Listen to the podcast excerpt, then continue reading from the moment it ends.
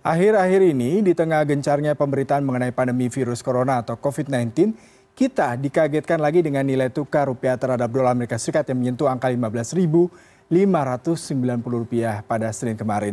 Tentu saja ini bukanlah berita baik di tengah gejolak ekonomi global. Efeknya banyak orang makin panik karena khawatir jika krisis krisis moneter akan terulang kembali seperti yang terjadi di tahun 1998. Lantas, bagaimana masyarakat harus mengantisipasi hal ini? Untuk membahasnya sudah tersambung melalui sambungan virtual Safir Senduk, perencana keuangan. Selamat pagi Mas Safir. Mas Safir, kalau kita bicara... Pagi Yuda. Ya, Mas ini uh, rupiah sudah hampir 16 ribu dan orang sudah mulai panik. Yang punya dolar mungkin mereka ingin segera melepas karena mungkin ini adalah momentum. Tapi di sisi lain bagi masyarakat awam mereka khawatir pasti akan berimbas kepada kenaikan harga, komoditas, dan sejumlah kebutuhan pokok lainnya. Bagaimana Anda melihat ini dan bagaimana warga harus menyikapinya, Mas? Ya, sebenarnya yang namanya nilai tukar itu adalah sesuatu yang selalu ada ya. Dari dulu sampai sekarang ada yang namanya nilai tukar ya. Kita pergi ke Singapura, kita pergi ke Hong Kong, kita pergi ke Jepang, kita pergi ke Amerika, kita pergi ke Eropa, semua ada nilai tukarnya. Dan sering kali tidak tahu kenapa orang selalu panik kalau ada perubahan nilai tukar yang begitu cepat gitu ya. Dan biasanya kepanikan ini terjadi nomor satu kalau misalnya kita bergantung sama barang impor hmm. ya.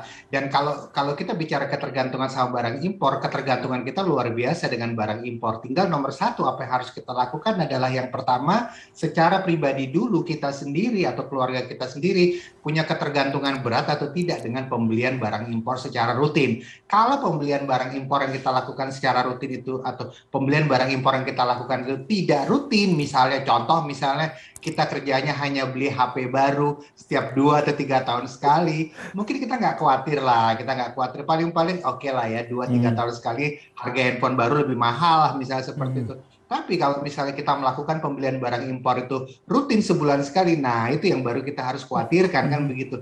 Tapi kelihatannya untuk mereka yang masuk kalangan menengah, pembelian barang impor tuh mungkin tidak dilakukan setiap bulan lah. Jadi mungkin masih tidak terlalu terasa lah seperti itu. Yang kedua itu mungkin pengaruhnya adalah uh, kalau misalnya barang-barang yang kita beli itu adalah barang-barang lokal tapi ada bahan-bahan impornya. Nah, itu ya uh, hmm. mungkin kita baru akan sedikit merasakan gitu.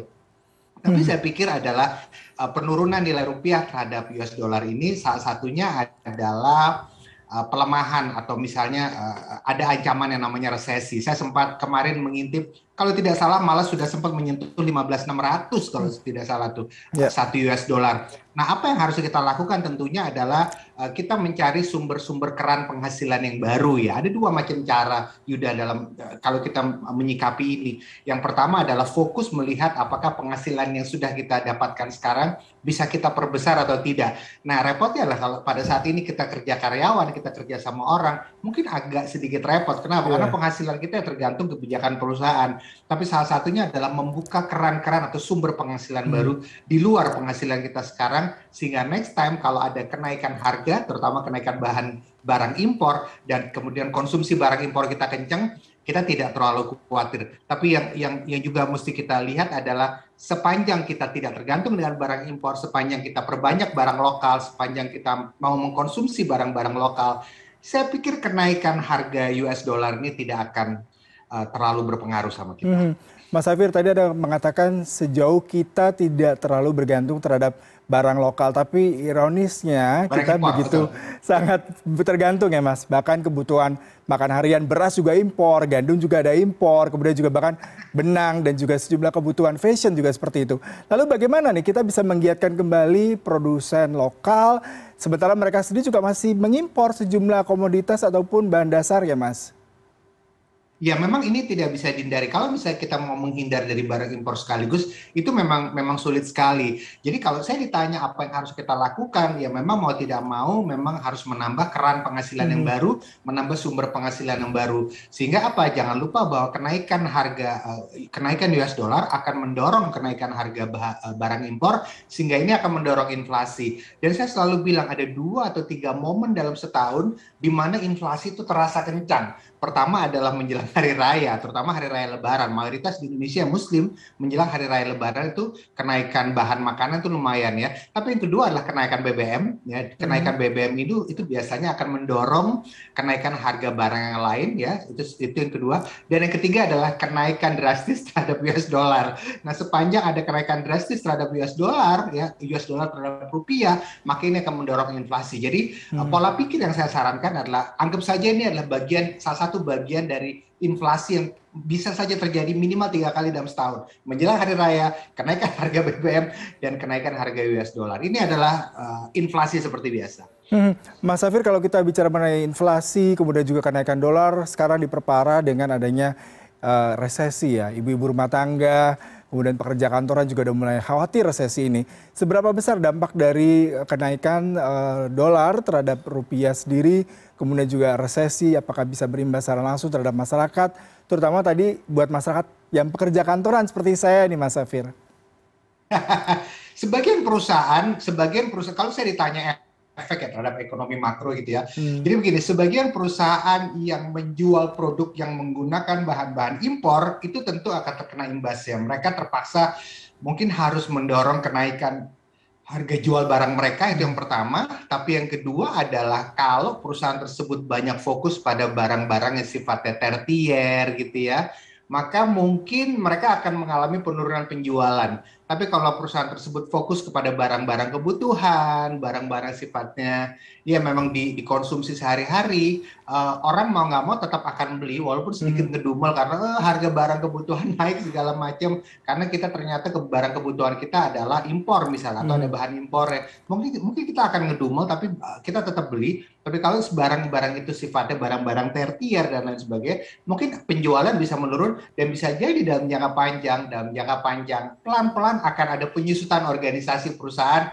which is namanya PHK seperti itu. Hmm. Jadi dalam jangka panjang kalau ini terus terjadi, bisa jadi ini akan ada PHK dan ini semakin menggambarkan bahwa ini yes ini adalah resesi hmm. uh, dan semakin banyak orang yang jadi pengangguran. Dalam jangka panjang jeleknya bisa seperti itu. Hmm. Mas Afir kalau kita bikin skema keuangan nih ya, kalau bicara mengenai bagaimana tadi bisa mengelola salah satunya mengirit atau pengeluaran-pengeluaran tersier terkait dengan barang-barang impor. Mungkin komposisinya Mas Safir bisa memberikan deskripsi seperti apa?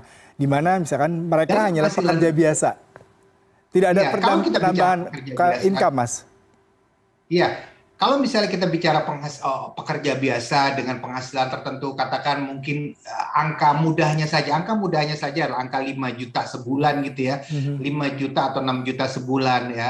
Jadi saya selalu membagi pengeluaran itu menjadi tiga macam kategori, ada wajib, butuh, dan ingin. Jadi wajib itu ada banyak, butuh ada banyak, ingin ada banyak. Tapi kalau kita mau sedikit lebih real lagi, mari kita bagi pengeluaran itu menjadi empat. Jadi pertama adalah untuk membayar cicilan utang. Jadi cicilan utang itu adalah barang atau hal-hal yang harus kita bayar yang kalau kita tidak bayar akan ada konsekuensi berupa denda atau bunga. Seperti itu. Pertama bagi jadi cicilan utang itu yang pertama, kemudian kedua ditabung atau diinvest itu yang kedua, kemudian ketiga asuransi dan yang keempat biaya hidup. Mari kita mulai. Jadi cicilan utang, cicilan utang itu biasanya uh, disarankan tidak lebih dari 30% penghasilan kita. Jadi kalau misalnya penghasilan kita katakan 5 juta sebulan misalnya, maka 30% atau satu setengah jutanya itu maksimal untuk bayar cicilan utang ya cicilan utang. Jadi kalau ada keluarga yang dia bayar sampai 35%, mungkin masih masih cincai lah gitu. Tapi kalau ada keluarga yang bayar cicilan utang itu sampai 45 50%, wow Yuda itu memang memang ada sesuatu kan gitu ya. Kemudian yang kedua adalah tabungan dan investasi minimal 10%. Jadi kalau kita punya income katakan 5 juta per bulan, minimal 10 persen 500 ribu untuk tabungan dan investasi itu minimal.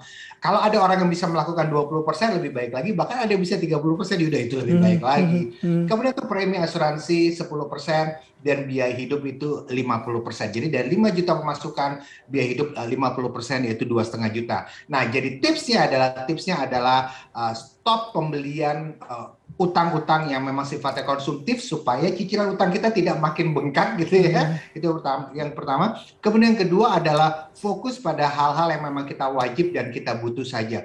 Untuk yang ingin kalau misalnya penghasilan kita masih kisaran 5 sampai 10 juta, kita memang harus pintar-pintar ngerem lah seperti itu. Di sinilah hmm. dibutuhkan bagaimana kita bisa menahan emosi kita supaya kita bisa fokus pada pengeluaran yang memang hmm. uh, wajib dan butuh. Hmm. Terakhir nih Mas Safir tentang investasi, apa yang menarik di saat dolar menguat, kemudian bagaimana masyarakat memilih apakah tadi safe havennya ke emas, menyimpan dolar, tapi sementara pendapatan juga lagi tergerus nih. Iya, ini juga menarik. Kenapa? Karena pertanyaannya akan selalu ada. Kalau misalnya terjadi kenaikan uh, harga US dollar gitu ya, apa yang harus kita lakukan? Pertama yang sebetulnya harus kita lihat adalah apa yang terjadi pada suku bunga di dalam negeri. Jadi biasanya kalau terjadi yang terjadi pada suku bunga di dalam negeri adalah yang dilakukan orang-orang atau bank sentral itu adalah dia menaikkan suku bunga. Dan ini yang baru saja terjadi. Ada ada kenaikan suku bunga. Nah, cuma uh, Bank Indonesia menghimbau katanya suku bunga tabungan di suku bunga simpanan di boleh naik, tapi suku bunga kredit jangan naik dulu ya katanya hmm. gitu, walaupun pelan-pelan akan naik juga. Jadi yang harus kita lihat adalah kalau misalnya terjadi kenaikan suku bunga, maka saran saya bagi masyarakat adalah fokuslah pada produk-produk investasi pendapatan tetap, terutama yang memberikan bunga. Kenapa? Karena eh, produk investasi pendapatan tetap, terutama yang memberikan bunga, biasanya akan naik. Saya kasih contoh hmm. misalnya, dengan kenaikan bunga simpanan berarti ada kenaikan bunga deposito. Maka next time kalau ada obligasi baru yang keluar yang dikeluarkan oleh negara surat utang misalnya bunganya akan lebih tinggi fokus di produk-produk hmm. seperti itu itu pertama dan yang kedua adalah kalau masih ada uang lebih uh, masuklah kepada produk-produk investasi pertumbuhan seperti saham di pasar modal dan lain sebagainya mumpung harganya masih murah dan orang lagi pesimis kenapa pesimis karena mereka melihat wah bahwa wah hmm. ini kita ekonomi kita lagi harus hati-hati nih segala macam itu akan berpengaruh kepada harga saham jadi silakan beli uh, saham di pasar modal kalau kita ada uang lebih mumpung harganya lagi murah tapi fokusnya sekali lagi adalah pada produk investasi pendapatan tetap terutama yang memberikan bunga seperti obligasi atau surat utang. Wah, menarik sekali perbincangan yang sangat komprehensif, memberikan tips dan juga harapan ya buat kami yang sedikit khawatir dengan pelemahan rupiah yang begitu sangat dalam. Terima kasih Mas Safir Seduk untuk perbincangan pagi hari ini. Selamat pagi, Mas. Terima kasih, selamat pagi.